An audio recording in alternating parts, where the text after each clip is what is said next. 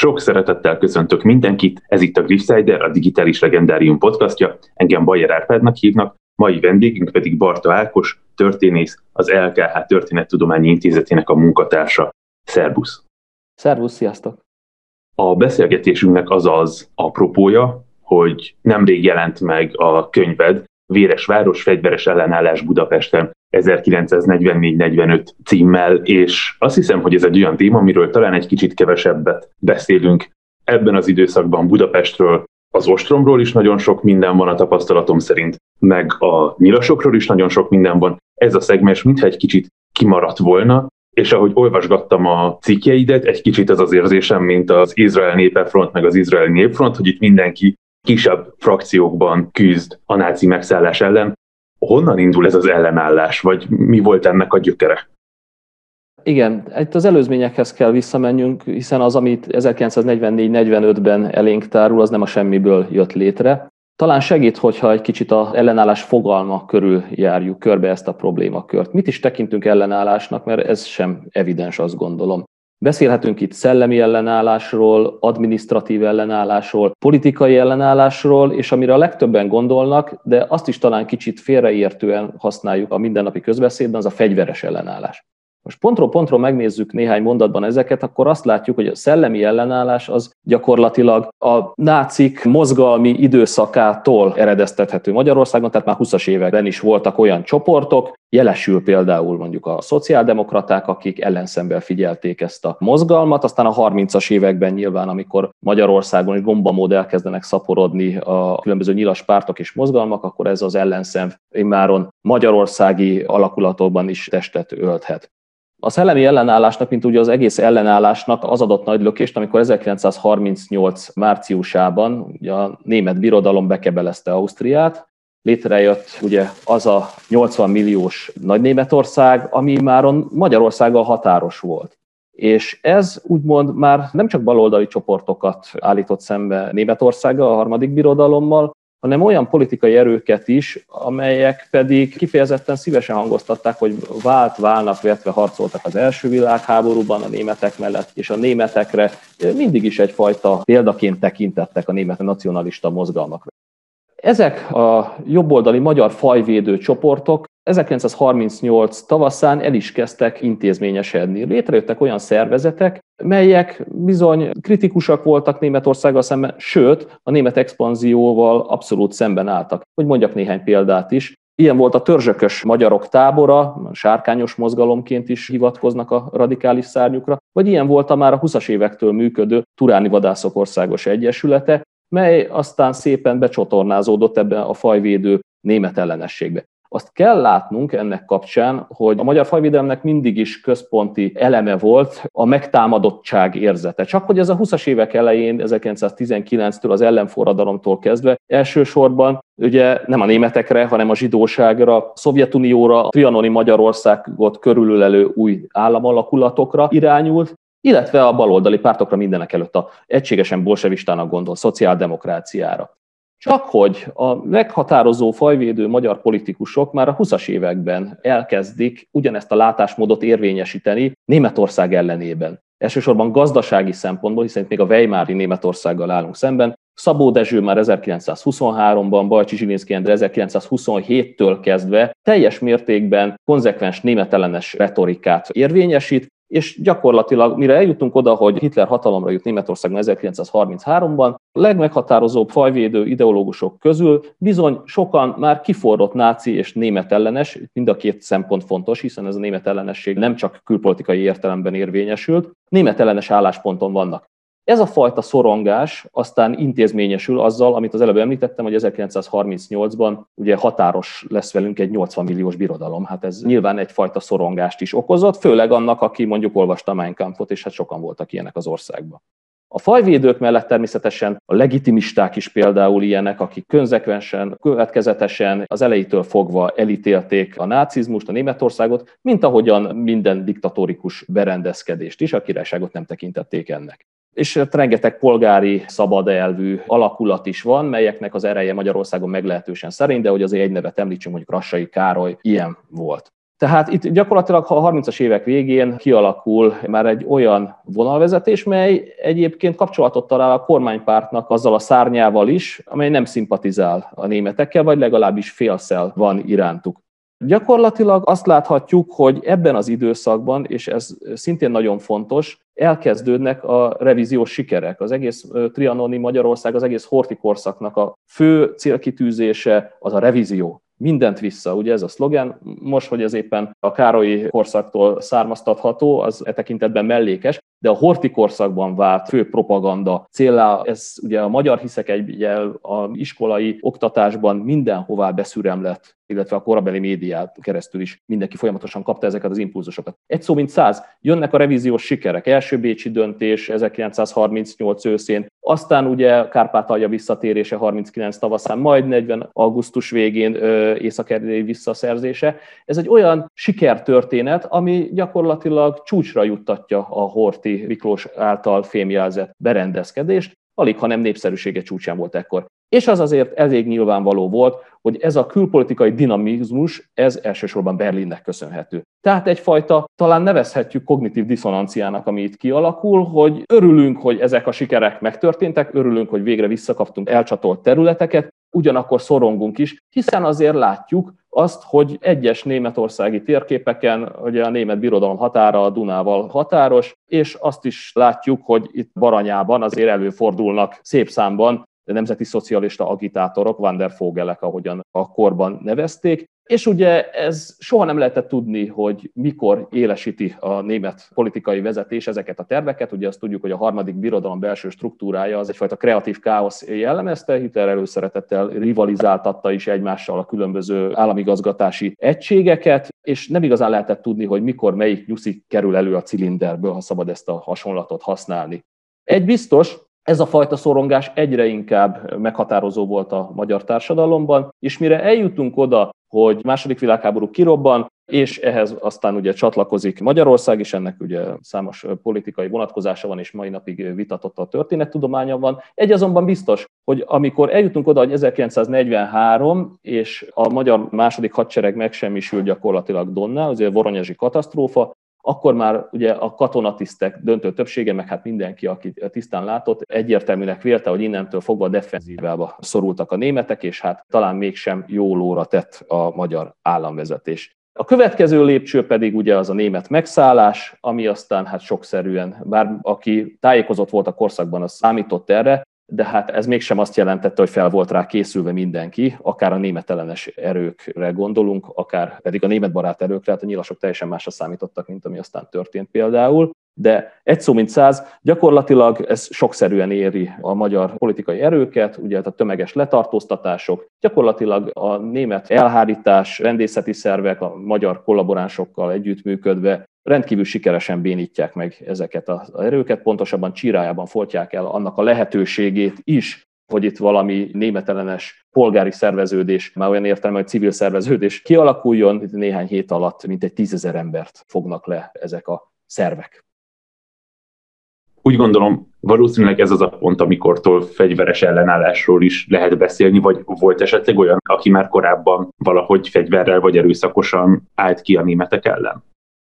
A német megszállás előtt ugye voltak partizán akciók a magyar hadsereg ellen, például ugye a bevonulások alkalmával, ezek általában nagyon kemény megtorláshoz, esetenként vérfürdőhöz vezettek, ugye ezek viszonylag közismerte. Bevonulás alatt azt érted, amikor első Bécsi döntés, vagy Kárpátalja, vagy Délvidék, vagy második Bécsi így van, döntés, így magyar van, hadsereg bevonult, tehát hogy az elszakító, de visszatért területeken vannak Pontosan, ugye kilőnek, vagy úgy vélik a magyar katonák, hogy rájuk lőnek valahonnan, és innentől fogva pedig komoly megtorlások történnek. Ugye a második Bécsi döntésben Erdélyben is történnek ilyen atrocitások, de hát a legevidensebb ugye az a délvidéki történet, a hideg napok, ami aztán ugye irodalmi formát is öltött Cseres Tibor regényének következtében. Itt azért azt látni kell, hogy etnikailag különböző csoportok, tehát el, nem magyar etnikai tudatú csoportok követik el, itt elsősorban ugye szerbek, illetve Erdélyben románokkal történnek ezek a konfliktusok.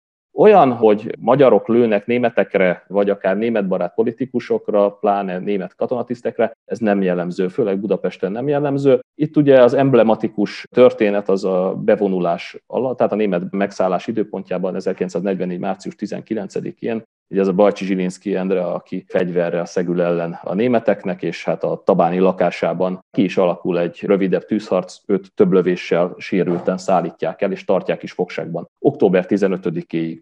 Ez is szimbolikus, hogy éppen október közepéig van fogságban Bajcsi Zsilinszki, mert ebben az időszakban, tehát ugye amikor még nem a nyilasok vannak uralmon, de már német megszállás van, ekkor még nem beszélhetünk katonai fegyveres ellenállásról. Ugye a fegyveres ellenállás lehetősége elsősorban német-magyar relációban ugye a német megszálláskor merülhetett föl. Tehát 1944. március 19-én azonban a kálai kormány hadügyminisztere, illetve maga a miniszterelnök is úgy vélekedett, hogy erre nincsen esély, nem tudjuk meggátolni a németek bevonulását, oktalan vérfürdőt eredményezni mindez. Nem is ebben gondolkodtak, ők diplomáciai kiválást terveztek ugye akkor már éveken keresztül. Részben éppen ez vezetett a német megszálláshoz, teszem hozzá. Amikor azt mondod, hogy volt ellenállás a visszakerülő területeken, az, amikor szerb, szlovák, stb. román emberek támadnak a magyar hadsereg, az mennyire állítható párhuzamba a későbbi magyarországi németekkel szembeni ellenállással? Hát csupán annyiban, hogy ugye itt 1945 után a szocializmus évei alatt a partizán harc lett egy kulcsfogalma a német ellenes ellenállásnak, tehát azt tekintették német ellenes ellenállásnak, amikor valaki nem hivatásos katonai kötelékben lő a németekre vagy a magyar kollaboránsokra, Ugye itt egy erőteljes kultuszépítés is folyt, kiemeltek bizonyos csoportokat, ilyen volt a, mondjuk a Miskolci Mokan Komité, vagy az újpesti ellenállók, akik egyébként nem is partizánok voltak, hanem egy hivatásos kiska alakulatnak az újpesti őrsége. De hát ilyen volt például a Fehér Lajos által működtetett akciócsoportok. De azonban azt látjuk, hogy ez utóbbin, tehát a Fehér Lajos által működtetett akciócsoportokon túl ezek nem tekinthetők partizánoknak, hiszen fedett ellenállást folytattak, ami alatt azt értem, és azt érti a szakirodalom, a magyar és a nemzetközi is, hogy valamely reguláris hivatásos alakulat papírjai álcája mögött, tehát ugyanúgy hivatásos vonalon kaptak fegyvert, illetve onnan kaptak ellátást, menázsit, folytattak titokban német náci ellenes tetteket, hát ugye ez a kiska alakulatokban, talán ha lesz idő erről, akkor picit részletesebben is tudok szólni, ez volt a meghatározó a budapesti ellenállás terén 1944. decemberében. Ezek a kiska alakulatok éjszaka bizony rendre össze-össze csaptak a nyilasokkal. Tehát itt a kapcsolat csupán arra vonatkozik, hogy a kérdés az volt, hogy történt-e fegyveres ellenállás már korábban is, illetve a német megszállás azon időszakában, amikor még nem volt nyilas uralom, erre tudom azt felelni, hogy igen, történtek már a bevonulások alkalmával, aztán ez pedig 1944 tavaszán elkezdett tömegesedni, erről még ugye nem esett szó. Az akkori magyar állam, tehát ez az 1944 márciusi határokról beszélünk, ennek az államalakulatnak a peremterületein, ezek etnikailag vegyes vagy éppen nem magyar dominanciájú területek voltak, itt már százas nagyságrendben lépnek föl, német és magyar csapatok ellen. Itt ugye egyre nehezebb ezeket elválasztani, hiszen a németek is egyre bizalmatlanabbak a magyarokkal, rendszeresen betagolják a magyar alakulatokat német fennhatóság alá, tehát igazából nem nagyon lehet megkülönböztetni. És ugyanez elmondható egyébként a rendészeti szervekre is, ahol a német és a magyar rendészeti szervek, legalábbis azok egy része, itt a Hany Péter féle csoport emelendő ki, teljes együttműködésben dolgozik, és Baki László belügyminisztérium államtitkárnak van is egy ilyen rendelkezése, hogy hát ez nem is szükségszerű, hogy elválasszuk ezeket a magyar és német rendészeti szerveket, szépen együtt számoljának föl, csírájában folytsanak el minden ellenállási lehetőséget. Tehát 1944 tavaszán a fegyveres ellenállás a akkori magyar állam peremterületeire korlátozódik. Említetted Bajcsi Zsirinszki Endrét, az ő halálát hogy kell elképzelni? Ő úgy dönt, hogy ha jönnek a németek, az neki olyan szinten elfogadhatatlan, hogy fegyverrel védekezik, és gyakorlatilag a lakását védi. Kik vannak itt jelen, mi volt az ő motivációja, mit remélhetett egyáltalán ettől? Igen, ez az ő habitusából fakadt. Tehát nem volt egy sikeres, talán mondhatjuk, nem is volt jó politikus, nem volt érzéke a politikai játszmákhoz, különböző kompromisszumokhoz, Azonban azt el lehet mondani, hogy a 30-as évektől kezdve gyakorlatilag ő erre szinte készült, hogy szembe szegüljön a németekkel. Van is egy felszólalása, még a gömbös kormány idején, amit szoktak idézni, hogy itt nem lesz német világ, nem is volt soha. Ha ez így történne, most nem szó szerint, hanem a tartalmát idézem, akkor elmegyünk a golyóig és az akasztófáig, ez a korabeli parlamenti naplóból visszakereshető, ez egészen megrázóan profetikus gondolat, hiszen ő vele pontosan megtörtént ez a két dolog, Ugye 44. március 19-én tűzharcban sebesült meg golyó által a németektől, aztán pedig 44. december 24-én a nyilasok fel is akasztották, tehát az akasztófa is.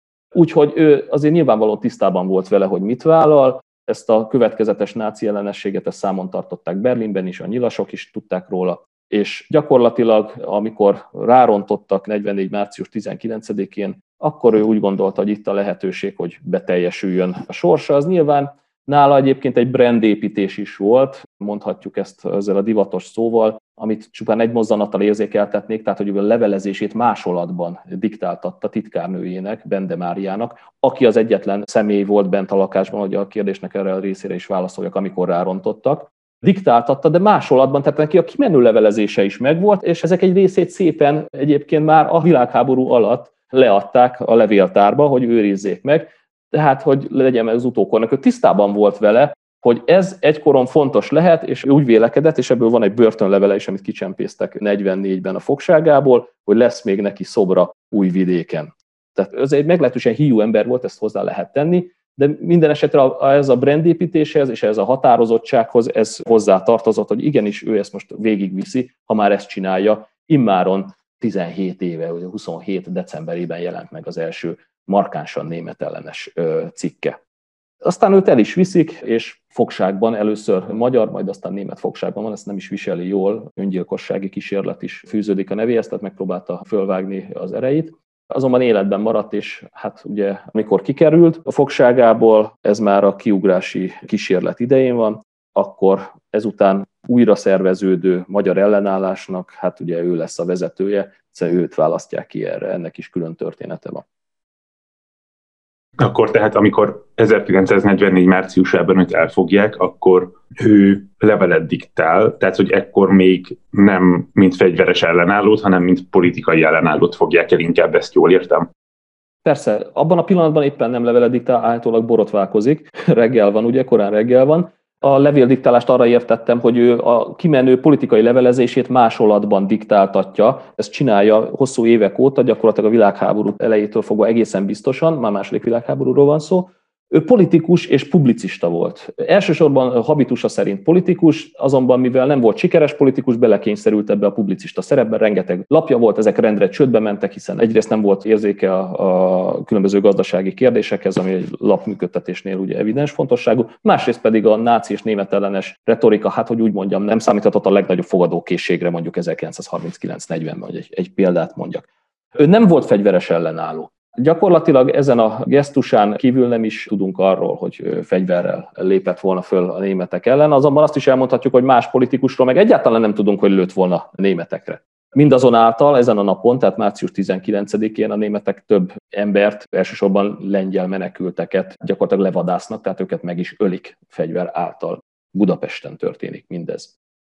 Bajcsi Zsilinszkit 44. október 15-e után, amikor ugye megtörténik a nyilas hatalomátvétel, utána az újra szerveződő magyar ellenállás kéri föl arra, hogy álljon az immáron fegyveres ellenállás élére. Itt egy-két mondatban utalnom kell az előtörténetre, hogy érthető is legyen mindez. Ugye 1944 májusában jön létre a Magyar Front. Ez azokat a pártokat tömörítette, akik illegalitásba szorultak, ugye a sztójai kormány, ami a német megszállás után jut hatalomra, betiltat minden nem német barát pártot, majd aztán később egyébként betiltatnak minden pártot jóformán, amely nem kormányerő. De a lényeg, hogy a kisgazdapárt, a legitimisták, illetve az illegális kommunisták is, és persze a kisgazdapárt, létrehozzák a Magyar Frontot, ez számos egyéb alakulat csatlakozik később, és ezeknek a kapcsolata nem harmonikus, azonban két dolgot mindenképpen kiemelnék, ami nagyon fontos, hogy itt 44 májusában vagyunk, mindössze két hónappal a német megszállás után. Ez európai viszonylatban, és ez kevésbé ismert, szinte egyedülállóan gyorsan történt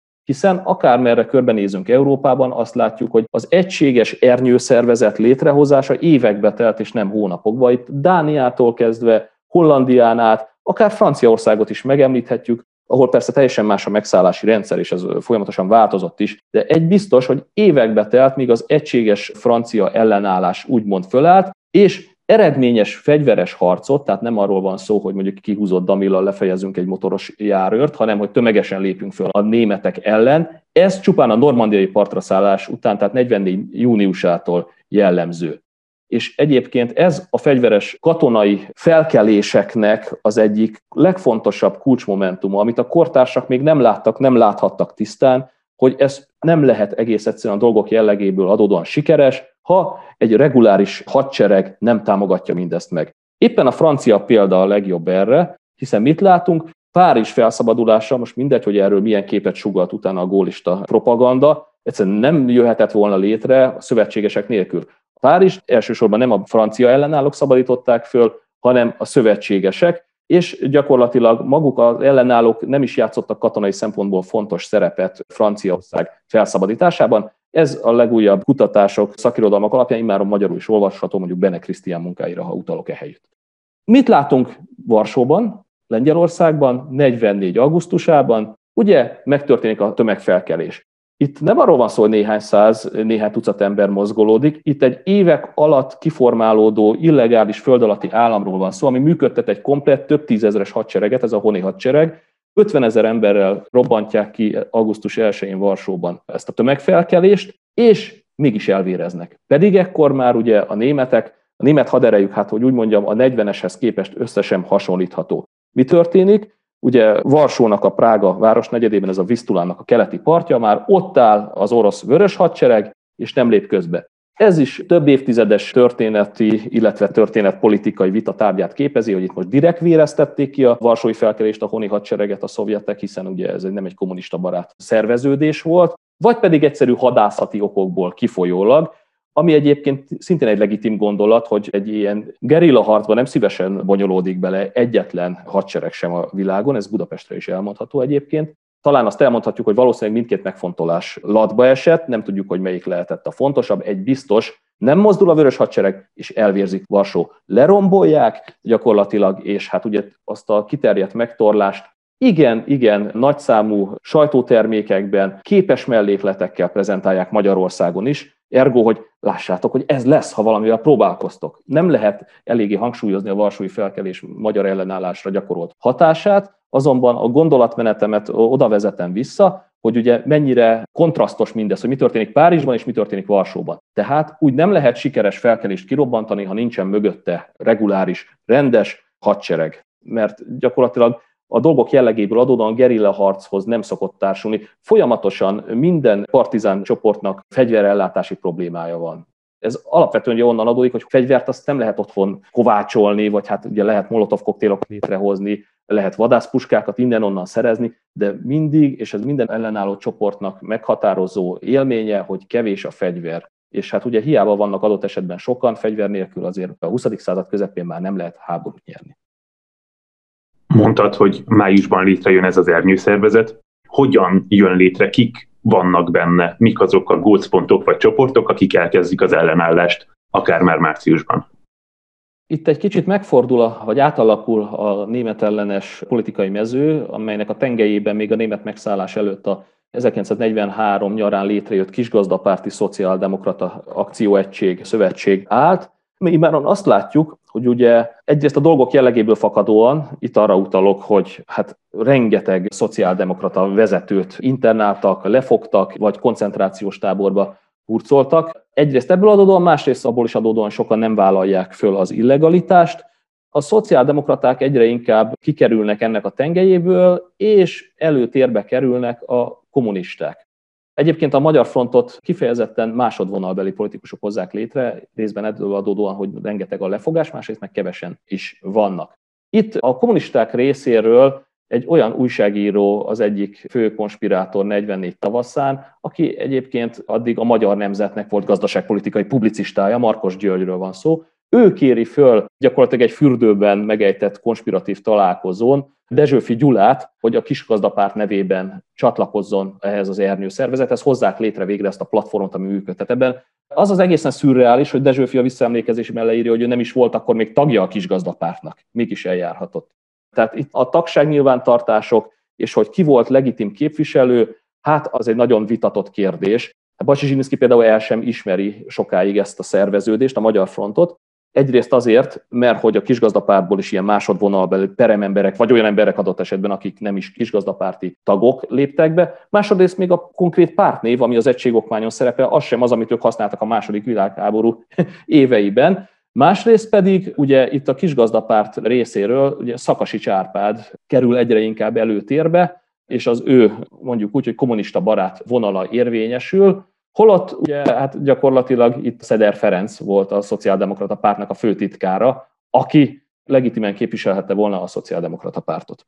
Tehát gyakorlatilag másodvonalbelű emberek veszik kézbe az irányítást, legitimisták, tehát azok, akik a legitim uralkodó, ez ugye a haláláig negyedik Károly volt ebben az időszakban, pedig annak fia Habsburg Otto, visszatértét várják, egy demokratikussá alakított királyságban képzelik el Magyarország jövőjét, Ugye itt vannak a kisgazdapártiak, aki hát egy, már ekkor is egy eléggé vegyes konglomerátum volt, őket Dezsőfi vezeti, és ugye ami nagyon fontos, az az, hogy a kommunisták szerepe a társadalmi támogatottságokat messze felülmúlóan érvényesül ebben a szervezetben. És ez az, ami elidegeníti Bajcsi Zsilinszkit, csak bele ne szédüljetek ebbe a kommunista vircsavba, szintén nem szó szerint idézem tartalmát illetően, írja a börtön leveléből, még 1944. augusztusában is erre biztatja Tildiéket, aki hát nem exponálja magát túl markánsan a Magyar Front szerveződésében.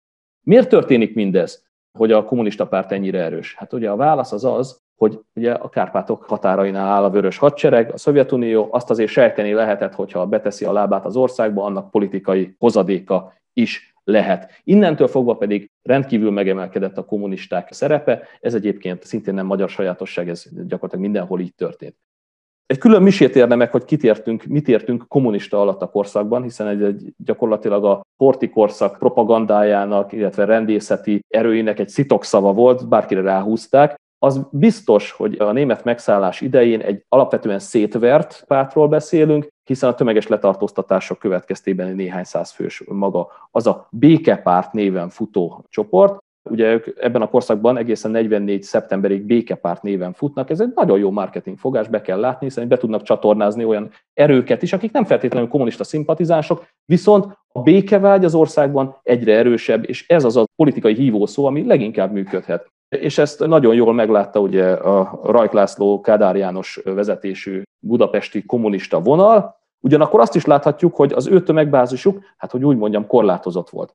Azok a később frakciónak nevezett kommunista csoportok, mint mondjuk a Demény Pálnak a körei, vagy Weisshaus Aladárnak a körei, vagy a Deák csoport, csak néhány később frakcióként megbélyegzett szerveződést említsek, akik hát valamilyen tekintetben külön utat képviseltek, azok mögött sokkal több munkás volt, mint Kádárék mögött. Ez teljesen evidens. És erre a rivalizálásra jön aztán rá a moszkvai emigráció. Ugye 44. október, novemberében kezdenek visszaszivárogni, először Szegedre, majd ugye Debrecen, és novemberben már Budapestre is küldenek küldötteket.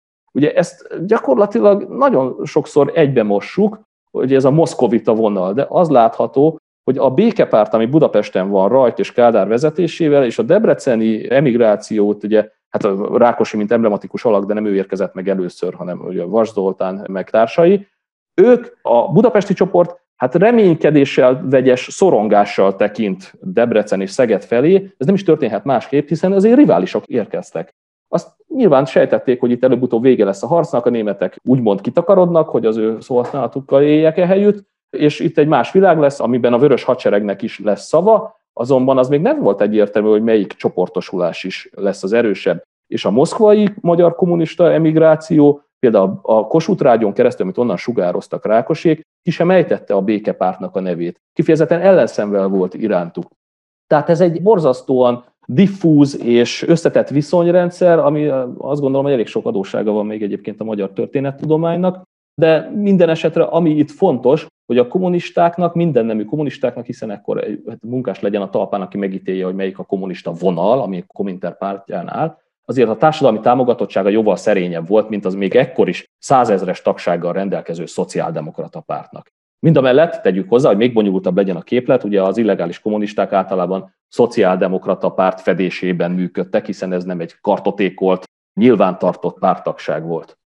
És ugye ebből adódik, ami mindazokból, amit most elmondtam, hogy azok a politikusok, akik nem egy Moszkva által vezérelt jövőképben gondolkodtak, és ilyen volt Balcsi Zsilinszki Endre is, azok A magyar front iránt, hát hogy úgy mondjam, távolságtartóan viszonyultak, és rengeteg szervezet is működött, ellenálló csoportok, melyek ennek hangot is adtak, a másképp nem utólag visszaemlékezésben.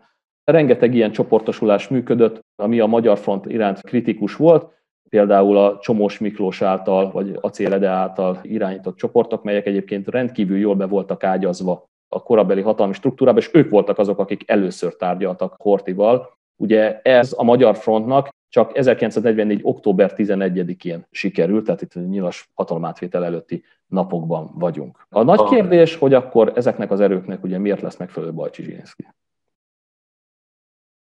A nagy fordulópont talán az a többször emlegetett október közepe, 1944. október közepe. Egyrészt történik egy kiugrási kísérlet, másrészt pedig egy nyilas hatalomátvétel. Miben változik az ellenállás? Hogyan tevékenykedik? Itt kifejezetten a budapesti fegyveres ellenállásra gondolok.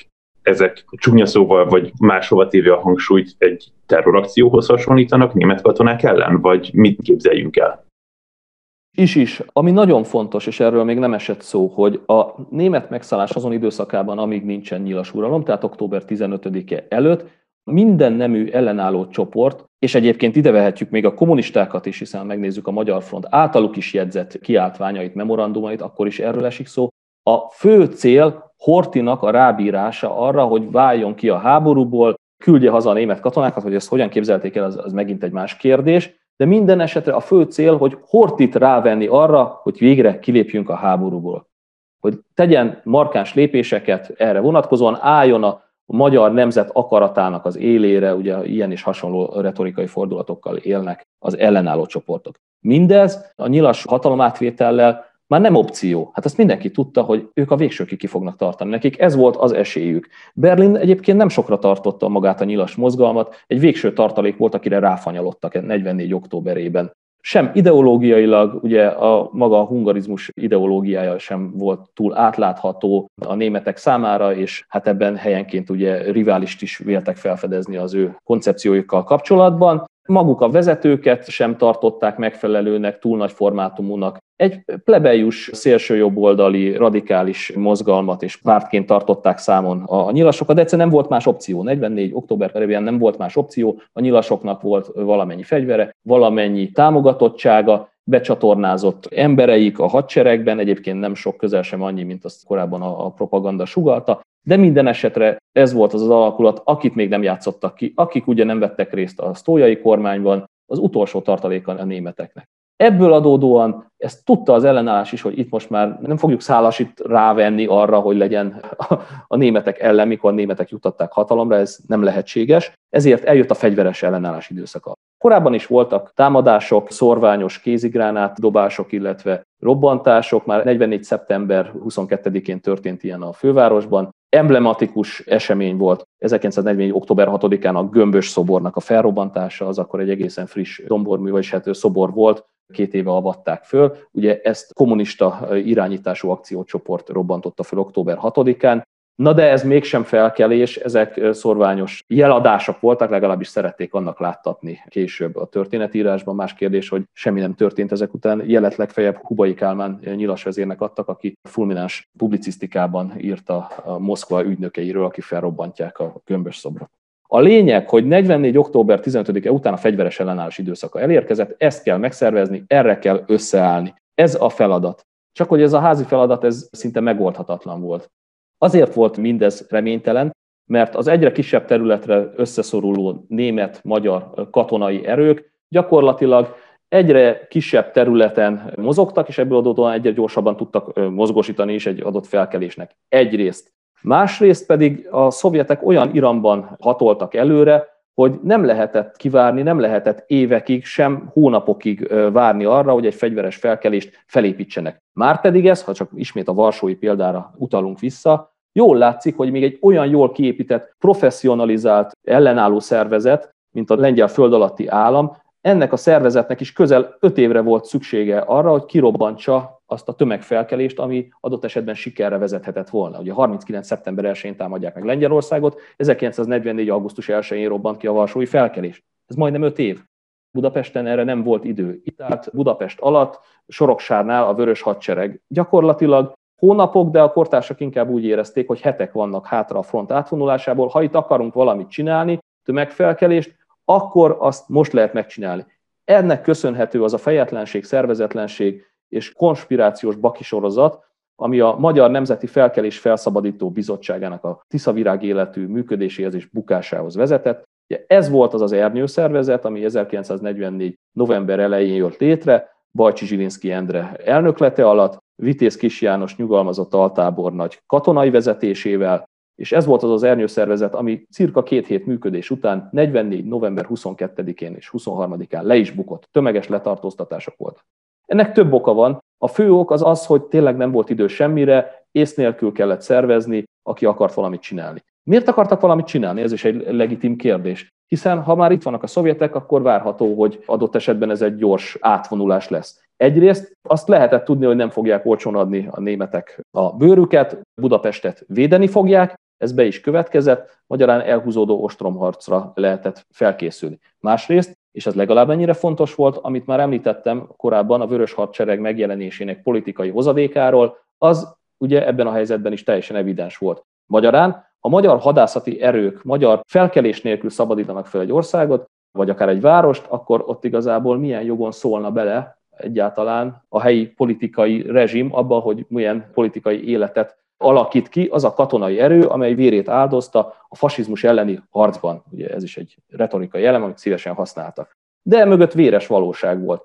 Tehát, hogyha itt valamiféle magyar mozgásteret szeretnénk elérni, akkor azt demonstrálni kell, véren kell kivívni. Egyébként ez is egy elég régi bevett motivuma volt a magyar politikai életnek, hogy Teleki Pál is hasonlóan gondolt a revíziós sikerekre, hogy vérrel kell kivívni, mert különben az nem a mi sikerünk, és annak ára lesz.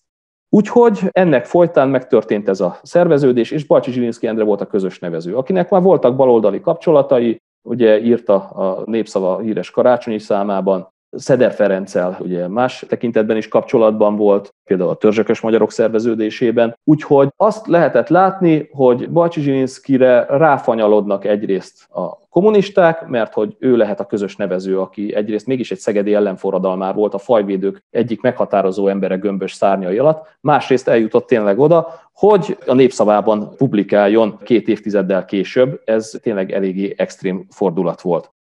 Az ő kiterjedt kapcsolati hálója, az ő habitusa megfelelőnek tűnt ahhoz, hogy becsatornázzon minden olyan erőt, és ott már tényleg minden náci ellenes erőre, még olyanokra is, akik két nappal korábban ugrottak ki, úgymond a nyilas táborból, mert ilyenek is voltak.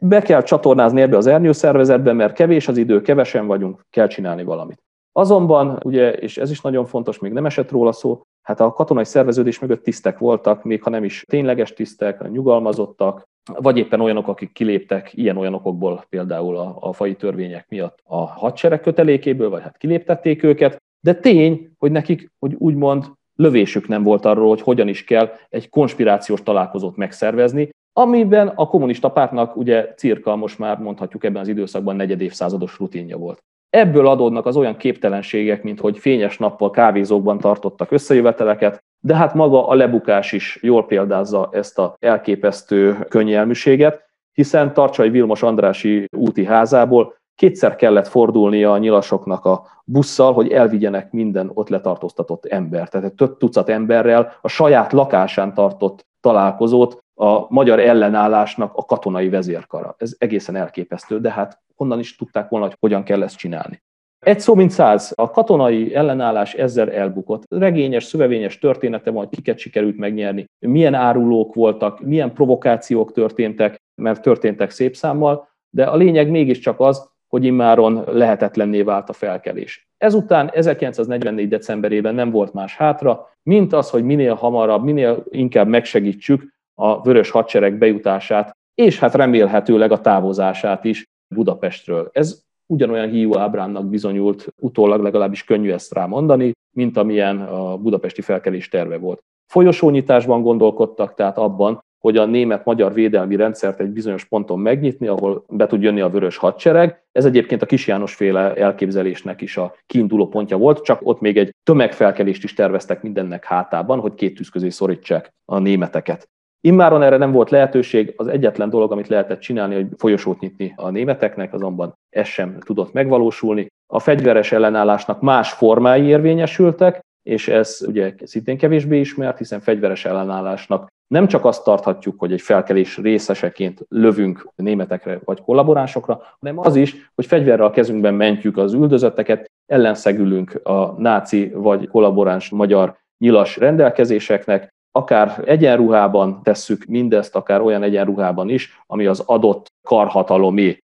Ebben a tekintetben a legmarkánsabb példa a kisegítő honvéd karhatalmi csapatoknak a tevékenysége Budapesten, ez ugye a Kiska, és 1944. decemberében, hogyha ki szeretnénk emelni abból a magyar fegyveres ellenállói hálózatokból azt az erőt, ami mégiscsak valamiféle hálózatszerűen működött, akkor ez az.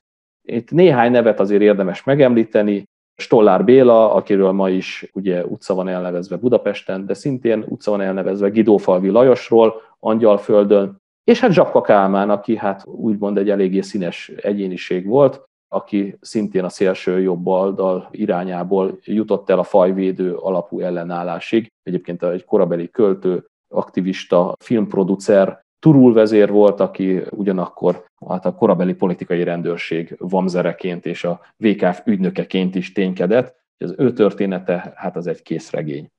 Minden esetre ebben a helyzetben nem lehetett mindennapi figurákkal eredményt elérni, és a Zsapka, ahogy úgymond alkalmasnak is tűnt, és hát ezek a kiska csapatok voltak azok, akik aztán érdemben ki is tudtak szabadítani foglyokat, ugye kikértek nyilasoktól, tompították a működésüket, ugye a Dunaparti ahogyan fogalmaztak a nyilasok, úsztatások, tehát a nyilasok kivégzéseit megakadályozták egyes esetekben. Ugye ez úgy történhetett, hogy elkérték a foglyokat tökéletesen olyan stílusban, mint ahogyan a nyilasok működtek, hogy ezek a mizsidaink, adjátok ide, majd végzünk velük, és két sarokkal később szabadon engedték őket. Tehát maguk a túlélőknek a visszaemlékezései tanúskodnak erről, aztán a 45-ös vagy 45 utáni népbírósági perek alkalmával, hogy ez kiterjedten működött és mindemellett fegyveres összecsapások is voltak a nyilasok és a kiskások között. Ugye talán az egyik legismertebb az a Stollár csoport felszámolása volt, ahol több tucat halálos áldozat is történt, itt is 44 decemberében vagyunk karácsonyan. Kevésbé ismert a Radó magyari csoport működése, akik több mint 80 embert vesztettek, mind a 80 embert kivégezték, és ezt a, a piszkos munkát a németek végezték el, gyakorlatilag szintén 1944 végén. Itt az volt az ok, hogy rálőttek német katonákra, ilyen is történt már akkoriban, és ezt a németek azért mindenhol komolyan megtorolták. Gyakorlatilag külön ráták voltak arra, hogy Nyugat-Európában, Kelet-Európában mennyi a megtorlási ráta. Ilyen volt. Nyugat-Európában például, vagy legalábbis nem Kelet-Európában, hanem például Olaszországban is megelégettek száz civil, idézőjelben megelégettek száz civil kivégzésével egy német katona után, azonban, hogyha ez mondjuk valahol Galíciában történt, és zsidónak minősített elköveték részére, akkor az ezres nagyságrendű megtorlást is vonhatott maga után. Úgyhogy ez egy olyan vonatkozás az ellenállásnak, amit szintén nem szoktunk megpiszkálni, mert nagyon kényes ez a motiváció és a következmény. Kedves hallgató, köszönjük, hogy eljutottál ideig. A digitális legendáriumot megtalálod a YouTube-on, valamint Facebookon. Ha pedig valamilyen podcast megosztón hallgatsz minket, akkor kérlek, hogy értékeld ezt a beszélgetést, hogy minél többekhez eljussunk.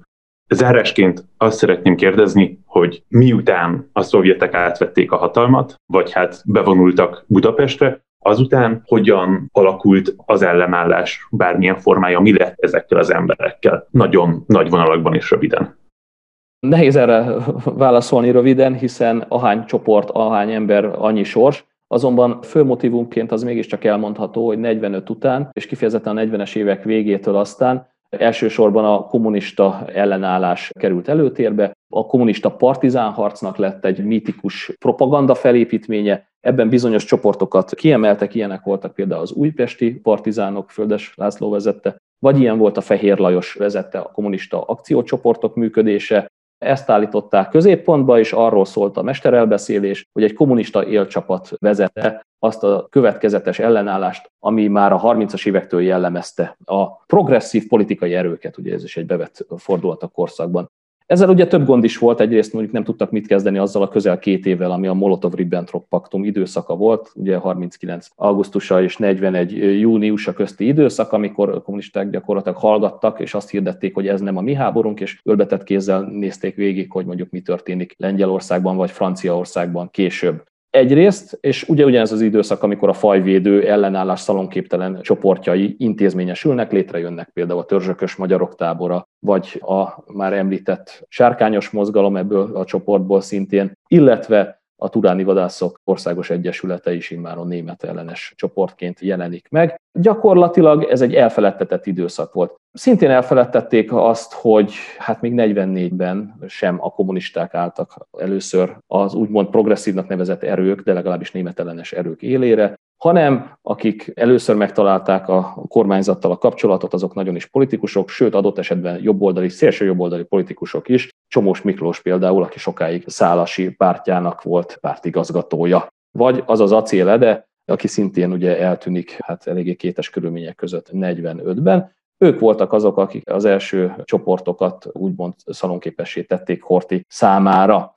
Egyrészt, ugye másrészt ugye azt is látjuk, hogy szintén elhallgatták azt, hogy a kommunista akciócsoportok tevékenysége az milyen szörnyű megtorlásokkal is járt. Mert hogy az tényekkel, kontrollforrásokkal igazolható, hogy a Fehér Lajos által működtetett csoportok ugye valóban elkövették a gömbös szobornak a felrobbantását, robbantottak könyvesboltban, a Városi Színházban, ez a mai Erkel Színház egyébként, ott kétszer is robbantottak gyakorlatilag 24 órán belül, Azonban azt, hogy a ezt követő órákban, napokban több tucat üldözöttet öltek meg ennek kapcsán a nyilasok, ez abszolút tabu téma volt. Gyakorlatilag ezek is korabeli népbírósági iratokból, eljárási anyagokból, ügyészségi dokumentációból tudható, táblákat raktak a nyakukba, hogy ezt a robbantásért, és teljesen egyértelmű volt, hogy ezeket a robbantáshoz semmilyen tekintetben nem kötődő zsidónak minősített állampolgárokat azért lőtték tarkon, és dobták ki aztán mondjuk a Városi Színház előtti térre. Több tucatnyi áldozatról tudunk, vagy akasztották fel őket, másút mert bosszút akarnak állni ezekért a robbantó akciókért, amik semmilyen tekintetben nem hátráltatták a német nyilas hadigépezetet,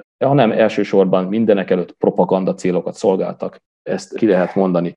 Azok az ellenálló csoportok, amelyek nem voltak szalonképesek, hogy gyorsan válaszoljak a kérdés második felére, természetszerűen háttérbe szorultak, sőt, aztán pedig ugye életükben is veszélyeztetetté váltak. Ugye itt többüket ki is végezték 40-es évek végén. Ez a kivégzés hullám adott esetben még a korabeli kommunista, vagy kommunista barát politikusokat és tiszteket is elérte. Ugye Pálfi György és Sólyom László példája kívánkozik az érre több más tiszt mellett. Mások ugye emigrációba szorultak, de mindenképpen elhallgatódott minden olyan narratíva, ami nem illett ebbe a kommunista élcsapat teóriába. Ez az elképzelés aztán nyilvánvalóan később sokat tisztult és szakszerűsödött a 60-as években már. Itt-ott lehetett hallani katonatiszti ellenállásról is, és olyan más polgári ellenálló csoportokról, akik nem kötöttek a kommunistákhoz, vagy adott esetben kommunista ellenesek voltak. Itt Gazi József munkásságát kell elsősorban kiemelni, majd később mondjuk Emki Sándort lehet még megemlíteni. Ugyanakkor a rendszerváltozás után ebből egy rivális kultuszépítés is kialakult, és olyan csoportokat emeltek piedesztára, akik valóban tevékenykedtek és exponálták magukat a német megszállás alatt, azonban azokat a mozzanatokat, amelyek vállalhatatlanok immár a 21. századból, például az antiszemitizmus, amely által mélyen átutatott volt a korabeli társadalom, és nyilvánvalóan annak politikai vezetői is, arról nem illet beszélni. Gyakorlatilag sok tekintetben azt mondhatjuk, hogy rivális kultuszépítés, ami évtizedeken keresztül zajlott Magyarországon és Magyarországon kívül is, hiszen az emigrációs felépítette a maga ellenállási történeteit, ezek szöges ellentétben álltak a kommunistákkal, és az igazságot úgy mond a történésznek, amennyiben ez lehetséges természetesen, filológiai apró munkával lehetséges csak kibogarásznia ezekből a egymással feleselő narratívákból. Utolsó mondatom pedig arra vonatkozna, hogy ez egyáltalán nem egy magyar történet, nem egy hungarikum, hiszen hasonló emlékezett politikai játszmák és kisajátítások történtek a keleti blokk gyakorlatilag szinte minden országában, illetve nem is egy kifejezetten keleti blokk történet, hiszen az ellenállás feltupírozása, megtisztítása azoktól az elemektől, melyek nem mutatkoztak szalonképesnek 45 után, a nyugati társadalmakat is ugyanúgy jellemezte. Például, ha már Franciaországról beszéltünk, akkor ott a kollaboráció kiterjedtségét, hát hogy úgy mondjam, relativizálták 45 után, de leginkább elhallgatták. Úgyhogy ez a terhes múlt, ez gyakorlatilag globálisan terhes múltként értelmezhető, és hát ennek volt egy nem túl derűs szelete az, ami Magyarországon történt. Köszönöm szépen a beszélgetést. Barta Ákossal a Véres Város fegyveres ellenállás Budapesten 1944-45 című könyv szerzőivel beszélgettem. A könyv a könyvesboltokban megtalálható, szeretettel ajánljuk mindenkinek. aki hallgatja ezt a podcastot és érdeklődik a téma iránt. Ákos, neked megköszönöm szépen a beszélgetést. Én köszönöm, hogy itt lehettem. Szervusztok!